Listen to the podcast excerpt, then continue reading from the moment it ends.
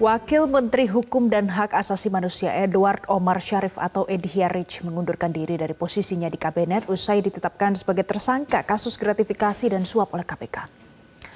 Koordinator Staf Khusus Presiden Ari Dwi Payana menyebut surat pengunduran diri Edi telah diterima Kementerian Sekretariat Negara pada hari Senin 4 Desember.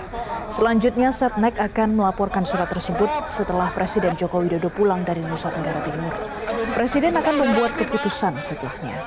Edi Hiarich telah ditetapkan sebagai tersangka, namun belum diumumkan secara resmi oleh KPK. Meski demikian, KPK telah menyurati Presiden Joko Widodo terkait status hukum Edi.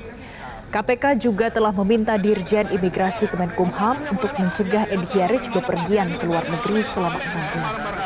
Bentar, bentar, aja untuk klarifikasi aja, klarifikasi tentang sudah ada uh, surat pengunduran diri dari Pak Menkumham, uh, Wan Menkumham sama mohon maaf.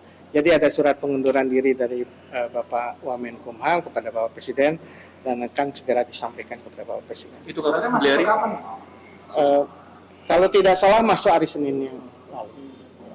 di suratnya dijelaskan nggak alasan pengunduran dirinya dari Uh, saya belum melihat suratnya ya, tapi surat itu ditujukan pada Pak Presiden segera disampaikan setelah Bapak Presiden uh, Berarti sore nanti ya Pak? ya, Bapak Presiden disampaikan. akan disampaikan setelah Bapak Presiden kembali ke Jakarta. Jelajahi cara baru mendapatkan informasi. Download Metro TV Extend sekarang.